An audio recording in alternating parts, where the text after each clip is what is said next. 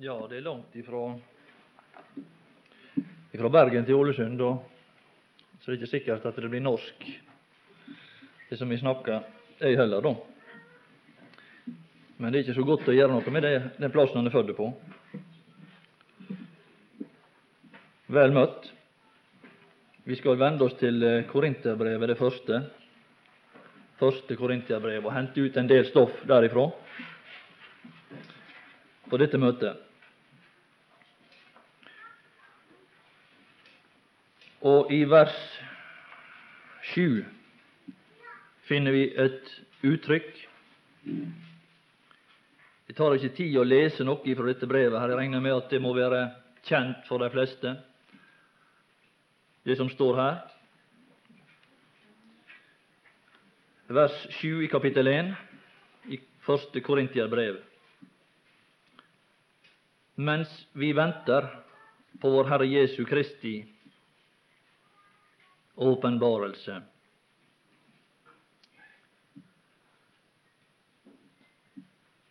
Apostelen han ser lenger framme her to store realiteter.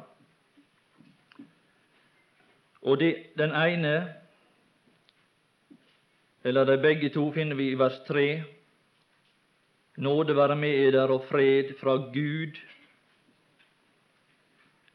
Gud som er blitt vår Fader. Gud som gjennom forløsning er blitt vår Fader. Og så den andre store realitet og den Herre Jesus Kristus. Lenger ute i Korinterbrevet, eh, åttende kapittel og det sjette verset, er det vel det står det at for oss er det dog bare én Gud, Faderen. Altså den karakter av Gud som han opplever. Han er kommet inn i et forhold gjennom forløsning der han ser opp, og han ser opp til en Fader som han lever under. Og Dette har betydning, ser vi i Korinterbrevet. Og det, det er et gjennomgående trekk Fader-forholdet. Og Paulus han framstiller seg sjøl som et bilde på Faderen. Dere har ikke mange fedre, men dere har kun én far, som er jeg, sier Paulus, som har avlet dere i Kristus Jesus ved evangeliet. Dette er sterk sannhet i Korintiabrevet, og det har en veldig moralsk effekt i Paulus sin forkynnelse overfor disse. For oss er det bare én Gud, Faderen, og så står det i samme sammenheng Men denne kunnskap er ikke hos alle. Og det hadde følge for deres liv og deres praksis. Denne kunnskap. Og det samme er også forholdet til den Herre Jesus Kristus, som er den andre store realitet som vi finner her. Og Han sier til disse samme korintere at vi forkynner Kristus Jesus som Herre, som også har den samme moralske effekt, Han som er Herre ifra himmelen. Å, og det er nettopp for å bringe orden i denne menighet som er løpt løpsk. Så bringer han inn disse to store realiteter. Den Herre Jesus Kristus i vers 3 og i vers 8 ulastelige på vår Herre Jesu Kristi dag. Og i vers 9 Gud er trofast, Han ved hvem dere blir kalt til samfunn med Hans Sønn Jesus Kristus, som er blitt vår Herre. Han er blitt vår Herre. Disse to realiteter er det han skriver disse, dette brev i forhold til. Og fra disse to personer så ser han nåde og fred komme ned i vers 3. Nåde og fred fra Gud, vår Fader. Og hva er vi da kommet til? Ja, da er vi kommet til den realitet som står her i vers 9, til dette samfunn. Dere ble kalt til samfunn med Hans Sønn, Jesus Kristus, vår Herre. Her er du Faderen og Sønnen, og i dette selskap er vi innbudt, som vi også har tidligere omtalt her. Vi vil komme til ham og ta bolig hos ham. Det er en forbindelse, det er et fellesskap.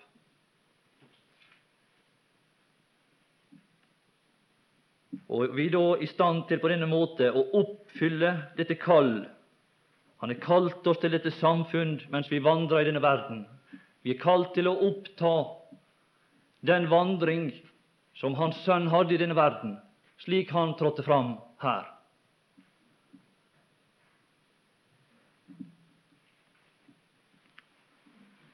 Men hva ser vi her? Ja, Vi kommer ikke så langt ned her i dette kapittel for at vi hører noe annet. Det er ikke nåden og freden lenger som strømmer ned, men vi hører plutselig det at det er tretter iblant det der. Det er tretter.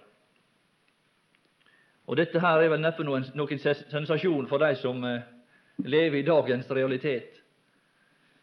Så er vel ikke dette her noen sensasjon for mine tilhørere her i kveld. Så det skal vi gå, gå for så vidt fort over for å understreke det. Men det som er mer interessant, det er hva gjør denne mann?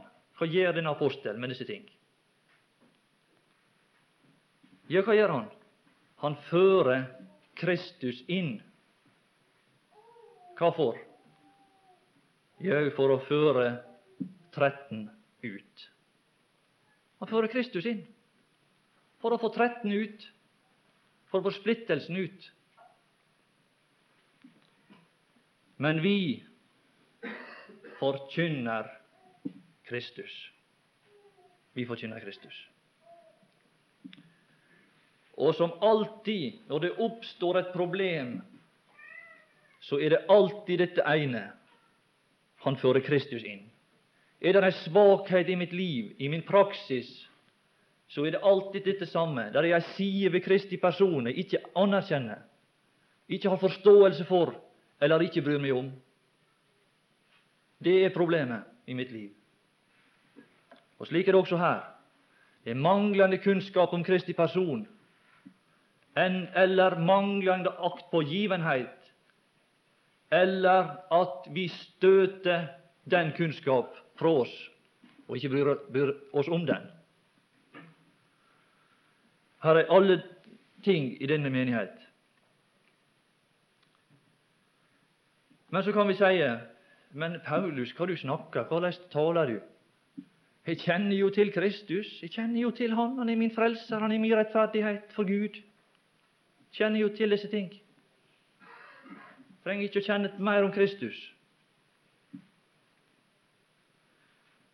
Så derfor, når den ting er brakt i orden, så kan jeg støtte meg til Paulus, kan støtte meg til Peter, til Apollos når det gjelder andre spørsmål.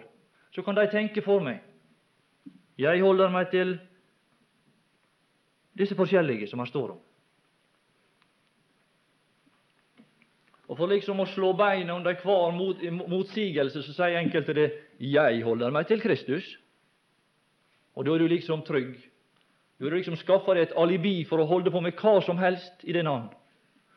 Men det var en apostel med et himmelsk klarsyn, og han stilte Kristus framfor dem. De var samla til, til, til ei samling der i denne menighet. Og så sier han, skal jeg rose eder når dere kommer sammen? Dere som sitter der i, i, i, i halvdrukken tilstand, noen er mette, noen de er, de er tatt på forhånd sin egen mat, står der, og noen de er drukne. Og Så sitter de kanskje der og, og, forteller hverandre at vi holder oss til Kristus. Skal jeg rose eder, sier Paulus, men jeg har mottatt fra Herren dette, sier denne mannen, som kommer ut ifra himmelen, og som har et åndelig klarsyn for hva som passer seg for troende. Jeg holder meg til Kristus. Hva kan vi vel ikke gjøre i Kristi navn? Men det var en annen person. Det var en person med et åndelig klarsyn som sa, men jeg har mottatt fra Herren dette, at den Herre Jesus i den natta han ble forrådt, hva praksis hadde han i denne verden? Hvordan for han fram? Nå kan dere måle dere mot det eksempel som han hadde den natta han ble forrådt. Da var ikke det å sitte der for seg sjøl og nyte noe for seg sjøl. Men han hadde 'Dette er mitt legeme', sa han, og det er for eder. Det var alt for andre. Det var den himmelske praksis. Og Da var ikke det mye hjelp. De stilte overfor denne sannhet var det ikke mye hjelp i å snakke om 'jeg holder meg til Kristus'. Nei, men vi har en hang til og en trang til at hvis det oppstår problem utover det å bli frelst, så vil vi løse dette ad fornuftens vei. Vi vil løse den på fornuftens vei. Og hvor har denne fornuft ført de troende anno 1989? Jeg bare spør. Hvor har fornuften ført oss? Men her er en mann, apostelen her, han vender seg fra fornuften, og han vender seg fra store menn, enten det er Apollos eller endatil seg sjøl, Paulus eller Peter. Og han løfta tilhørerne sine øyne kun til én person, vi forkynner Kristus. Vers 5 i ham er dere gjort rike på alt, på all lære og all kunnskap. Og i vers 30 i samme kapittel Men av ham er dere i Kristus Jesus, som er blitt oss visdom. Han er blitt oss visdom. Han er så å si blitt vår nye tanke og vårt nye tankes innhold. Det er det han er blitt. Og det er ikke rom for noe annet. Det er ikke rom for noe annet praksis heller enn han.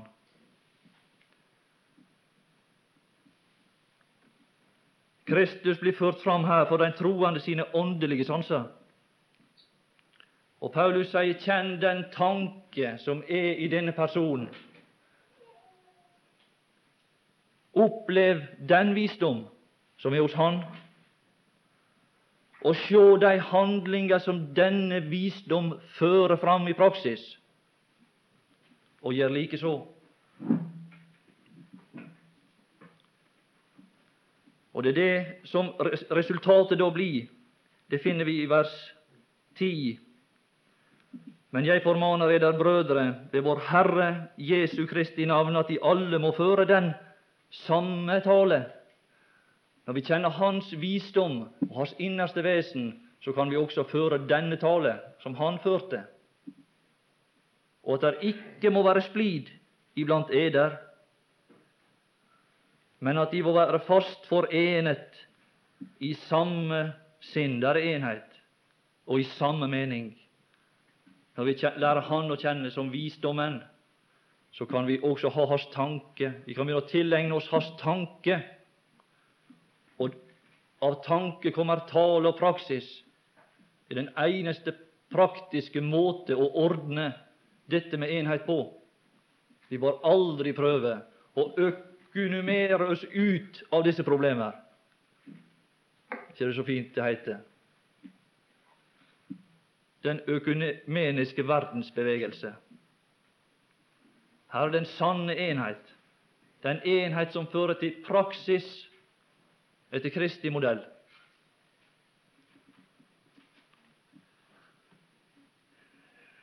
Da kan vi føre den samme tale.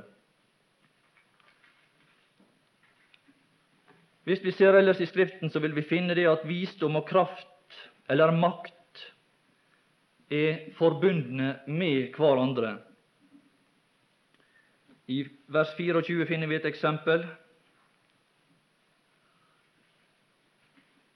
Kristus, Guds kraft og Guds visdom, står det mot slutten av verset. Og i vers 8 Han som også skal styrke eder inntil enden. Og her er denne kraft som er i Kristus. Den er på vei inn i de troende. Paulus han ønsker at den kraft som er i Kristus, skal komme inn i disse venner som han er i ferd med nå å prøve å hjelpe. Det er krafta av Kristi person som skal avhjelpe dette problemet i denne menighet. Han skal styrke eder.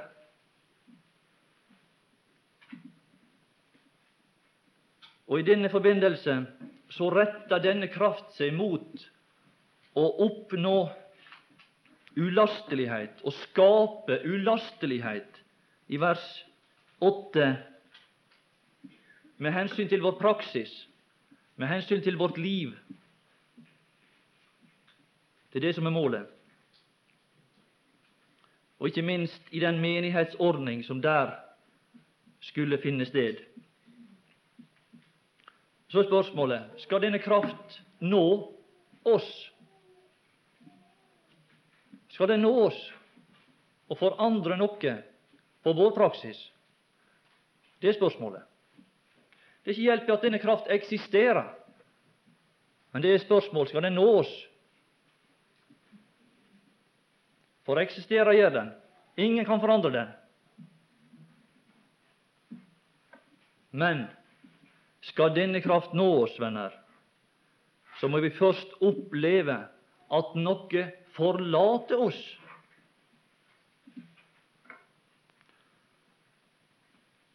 La oss lese vers 18 i samme kapittel.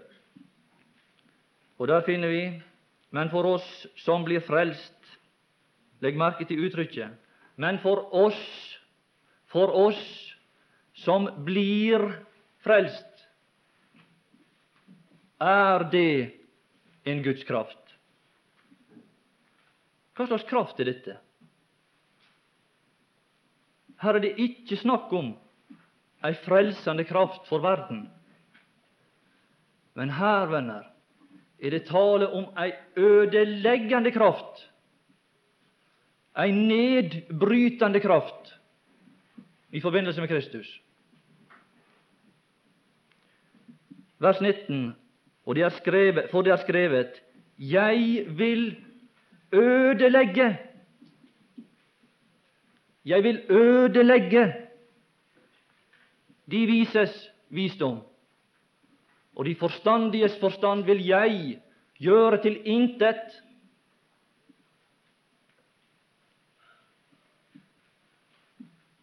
Denne kraft ifra Kristi person, den støter mot alt av menneskelig tenkning om Gud. Den støter mot alt av mennesket, hvor enn du måtte finne den. Og her, i denne forbindelse, tenkes det særlig på de troende. Det er hos oss at denne tanke, som ikke er av Kristi person, den må støtes ut av oss ved ei guddommelig kraft.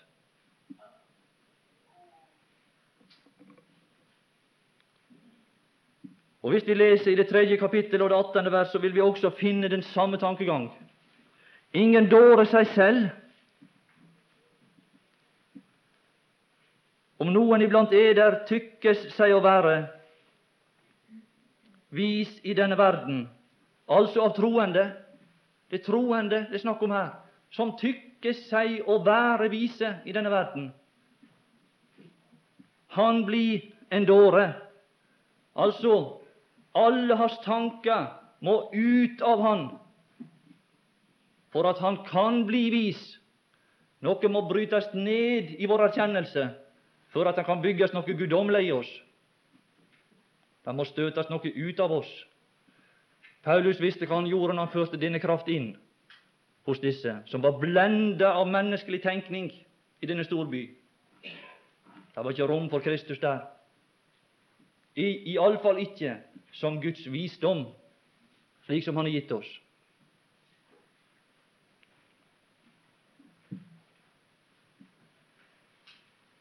Det er denne måte denne kraft virker til frelse på.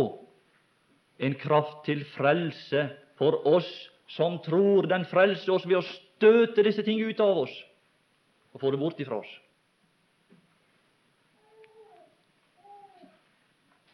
Og Da står det i, vers, i kapittel 1 og vers 20 da kan vi stå der sammen med Gud. Ja, det er et vidunderlig sted å stå på. Da kan vi stå i vers 20. Om vi så står i, i universitetets aula, så kan du stå der sammen med Gud. Og så kan du kikke deg rundt i alle himmelretninger.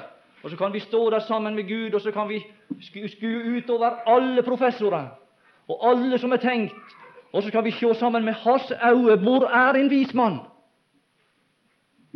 Hvor er en skriftlærd? Kan vi se nedover til Universitetet for teologi og kikke den veien? Og så kan vi se alle himmelretninger, så vil vi ikke finne, hvis vi ser slik som han ser, med hans blikk etter Golgata, vil vi aldri se en tanke som er verdt å oppta etter at Golgata har rasert alt som heter tenkning i denne verden. Fra den dato gjelder det kun én tanke, og det er den Herre Jesu Kristi tenkning. Og Gud så framover. I Jesaja så sier han det 'Jeg vil ødelegge de vises visdom'. Men fra Golgata så heter det 'Har ikke Gud gjort'? Gud har gjort. Han har gjort det han måtte gjøre. Han har ødelagt alt av tenkning. Det er ikke noe eksperiment med hensyn til tanke mer. Gud har gjort verdens visdom til dårskap.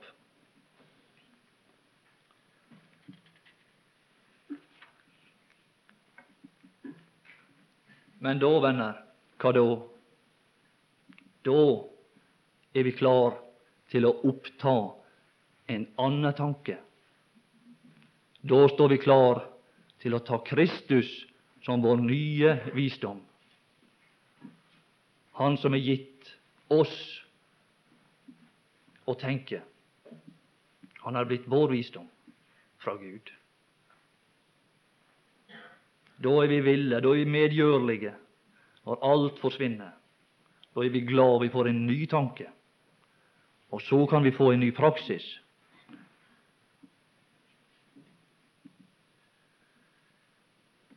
Men hva skjer? Hva ser vi? Hva er det vi ser? Hva ser vi her videre i 1. Korinterbrev 1? Hva skjer både i menigheten og i verden og dens løp for øvrig? Alt fortsetter som før. Nesten alt. Nesten uten unntagelse.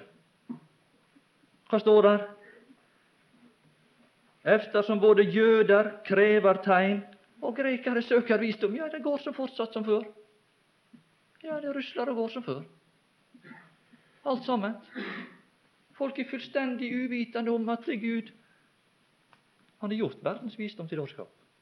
Slik fortoner det seg for Gud. Men denne verdens løp, den fortsetter som før. Skal den fortsette for meg og deg? Skal det være en fortsettende strøm av produksjon av tanker som ikke er av Kristus? Og skal vi kjenne den ulykksalige tilstand som det er å gå hele livet gjennom og bare gjøre det som er av det onde, som ikke er tenkt og har sin opprinnelse i Kristi sinn. Det er ulykksalig for oss, og det er til skade både i menigheten og i, vårt private liv.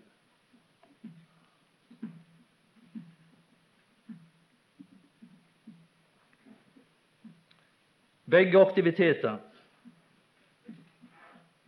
Begge aktiviteter fantes i denne menighet som vi her taler om. Det var tegn og visdom, side om side. Det var synlige ytringer og visdom, side om side. Det var kraft i denne menighet. Og dersom vi ikke erkjenner kraft, krafta ifra Kristi kors, som skubber disse ting ut, bort, og avslutter det, så vil det fortsette i vårt eget liv og iblant de troende. Både disse tegn, disse krav etter tegn, og denne søken og hyllest av menneskelig visdom og tenkning. Og vi kan godt ta kunst og musikk og alt dette her.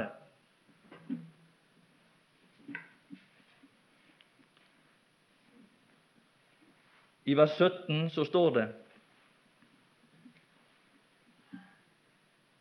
at Kristi kors kan tape sin kraft.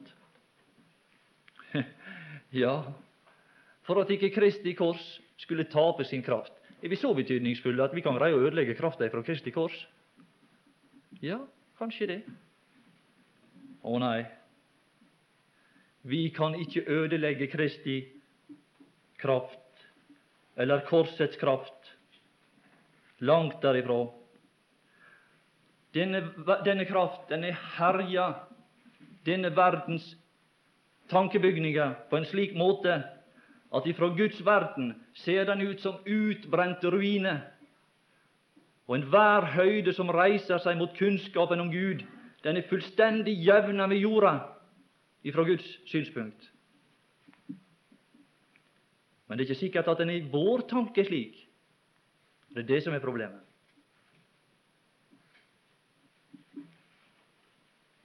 Men hva er det da som er problemet? Ja, problemet er det at det står her for ordet om korset. Oss venner er overlatt ordet om korset. Og det er i vår munn at dette kors kan tape sin kraft. Det er hos oss i våre forsamlinger, der vi er, vår ufullstendige forståelse, og kanskje til og med dette at vi benekter korsets kraft og vil holde på med vårt eget. Vi vil ikke slutte. Vi vil ha vår scene. Vi vil ha vår sang. Vi vil ha vår musikk. Vi vil ikke slutte. Vi lar ikke Kristus støte disse ting bort ifra oss. Hva blir vi sittende igjen med? Jeg skal iallfall fortelle deg én ting, min venn. Du blir sittende iallfall igjen uten denne kraft. Uten denne kraft.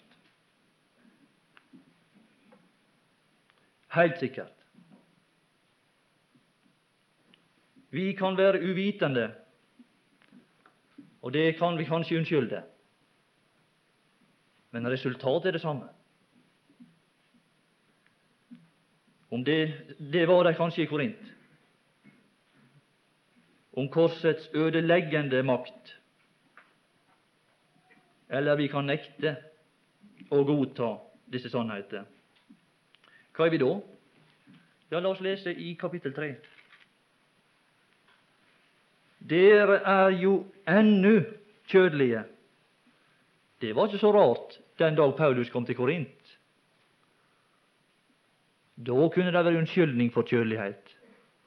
Og da var det på tide å ta, ta smutting på flaska og gi melk. Men ikke, ikke, ikke, etter alle disse år.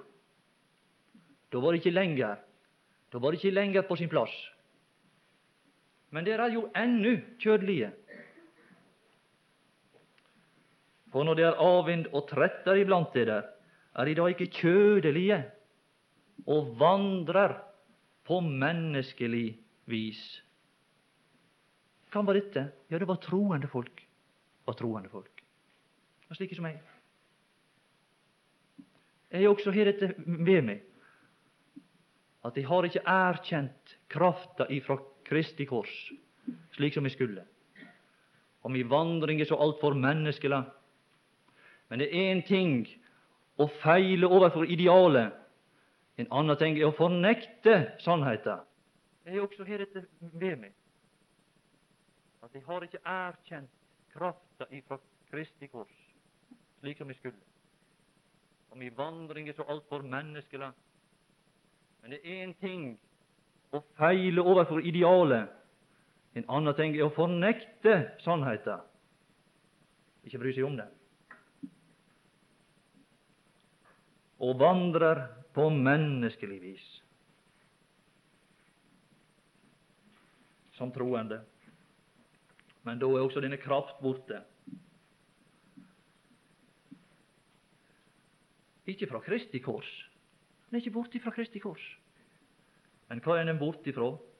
Den er borte ifra det som vi kaller Kristi kors, men som er et kors produsert av menneskelig kunst og tanke. Det er det. Men så er også krafta borte fra dette kors.